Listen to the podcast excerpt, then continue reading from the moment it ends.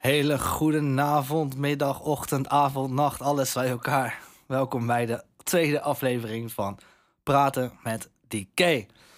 Allereerst bedankt voor de vragen van vorige keer. En ook weer bedankt voor de vragen die jullie voor uh, deze aflevering hebben gesteld. Echt super blij mee. En uh, ja, dikke shout naar jullie, man. En ik hoop dat we het uh, zo nog een tijdje door kunnen gaan doen. ja, vandaag ben ik een beetje later, want ik heb best wel een drukke baan, zeg maar. Dus daarom heb ik ook besloten, uh, voor wie het nog niet weet, om de afleveringen vanaf vandaag op, de, op de zondag te gaan doen. Dus aankomende zondag komt er geen aflevering online, maar die zondag daarop. Want deze is nog wel gewoon vandaag.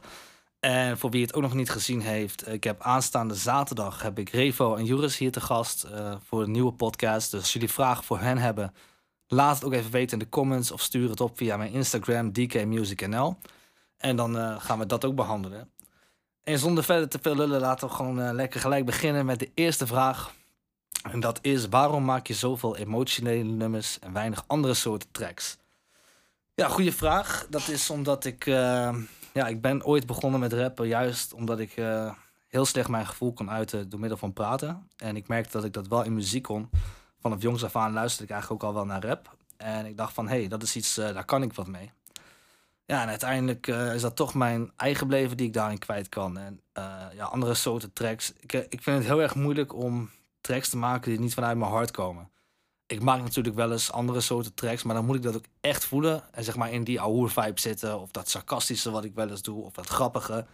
Dan moet ik echt achter staan. En ja, dat voelen op zo'n moment. Dus vandaar. Vraag 2. Wie is jouw favoriete Nederlandse rapper en waarom? Nou, ik heb geen uh, favoriete Nederlandse rapper. Althans niet één. Waarom niet? Omdat ik denk dat er te veel mensen zijn om bijvoorbeeld ook een top 10 te maken. Of wat dan ook die ik tof vind. En uh, daarbij wil ik ze ook niet op een plaats zetten van... oh, jij bent nummer twee of drie. Omdat ik, ja, de mensen waar ik naar luister vind ik toch gewoon heel hard. En over het algemeen zijn dat, uh, nou ja, nog steeds THC luisteren ik. Campy, Nino LSD van vroeger nog. ik luister natuurlijk veel naar Revo... Ik luister ook heel veel naar Fonk, want Fonk vind ik ook keihard. Uh, nou ja, natuurlijk Joris. Weet je, nou mijn broertje, als hij zelf wat dingen maakt, brengt hij dan niet uit, maar ik check het natuurlijk wel. Uh, Kim Lee, oftewel Pervers. En ja, weet je, ik heb zoveel namen nog in mijn hoofd, dan uh, zit ik hier nog een half uur te lullen. Maar het zijn toch wel de mensen waar ik aan luister. Natuurlijk ook Digidex, Fresco, absoluut. Dus nee, ik, kan je daar geen ja, juist antwoord op geven. Wie mijn meest, meest favoriete Nederlandse rapper is. Dus uh, daarom. Uh, de volgende vraag. Waarom uit je je op social media niet over wat er gebeurt in bijvoorbeeld Israël of andere zaken? Uh, ja, goede, goede vraag. Ik denk, of tenminste, ik doe dat niet omdat ik vaak van dat soort dingen te weinig informatie tot mij heb om daar goed antwoord op te kunnen geven. Of om daar iets over te zeggen. Want ik denk van ja, als je ergens niet het verstand van hebt, is het misschien beter dat je daar ook niet over uitlaat. En daarnaast is het zo van in dat soort conflicten, het is altijd moeilijk. Het is onmogelijk om een, om een kant te kiezen als het zeg maar gaat om dit soort zaken. Want iedereen heeft zijn eigen kant, een eigen verhaal en heeft zijn eigen visie.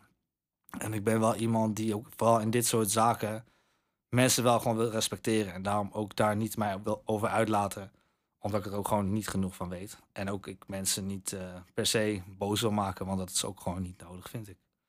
Dus daarom. En ze zeggen dan wel eens, ja, als artiest moet je uitlaten. Maar ik denk van ja, weet je, ik, ik snap het ergens wel wat mensen daarmee bedoelen. Maar aan de andere kant denk ik van, van ja, het is misschien beter om dat niet te doen als je juist niet zoveel van weet. Dus. Uh, de volgende vraag. Hoe heb je Revo leren kennen? Nou, uh, voor de mensen die uh, dat totaal niet kennen. Vroeger had je Hives. Dat is een soort van wat, wat voor Facebook was, zeg maar. En daar had je ook uh, artiestenpagina's en playlisten. En op een gegeven moment uh, stonden Revo en ik in dezelfde playlist. En toen hebben we volgens mij via Hives elkaar geconnect. En ben ik via een andere vriend van mij, geloof ik, bij Revo thuisgekomen. Ja, sindsdien eigenlijk ook nog meer weggegaan. in die zin. Dus ja. Goed, wat zou je graag nog willen bereiken uh, als het gaat op het gebied van muziek? Um, ik zou heel graag een keer bijvoorbeeld een heel groot ja, optreden willen doen. Met een hele grote uitverkochte zaal. Maar uh, ja, ik denk dat het heel lastig is met, het, met de soort muziek die ik maak. Omdat tegenwoordig, zeg maar, zijn festivals en dat soort dingen toch wel wat meer van die clubachtige tracks en noem maar op. En er zijn natuurlijk ook mensen die maken wat ik maak, alleen die zijn zoveel bekender. Dus, maar ja, wie weet ooit, wie weet ooit. Het zal tof zijn. Wat vind ik van de hip-hop-industrie van nu? Ja, ik vind het uh, sowieso dope dat, dat mensen in tegenstelling tot vroeger nu gewoon echt hun geld mee kunnen verdienen, weet je. Alleen wat ik zelf persoonlijk dan mis, is toch wel vaak de inhoud in muziek. Tegenwoordig is het allemaal een beetje, ja, bitches, money, drugs, dit, dat. En dat is ook best dat mensen dat doen. Alleen ik persoonlijk vind dat niet heel erg vet. Uh, dat is gewoon dat ik hou er zelf van om juist inhoud te hebben in muziek. Dat is ook waarom ik ben begonnen met muziek, natuurlijk uh, onderdeel daarvan. En ik vind dat zelf altijd heel erg vet, weet je. Dat als je muziek luistert, dat je echt iets hebt om over na te denken. In plaats van dat het allemaal zo simpel is en gewoon, ja, leuke beat, dus dan is het vet. Maar goed, ieder zijn ding natuurlijk. Dus uh, ja, hoe ben je ooit op je track Sorry Lieverd gekomen? nou, die track die schreef ik voor mijn uh, ex destijds, waarbij het uh, ja, gewoon niet zo goed liep.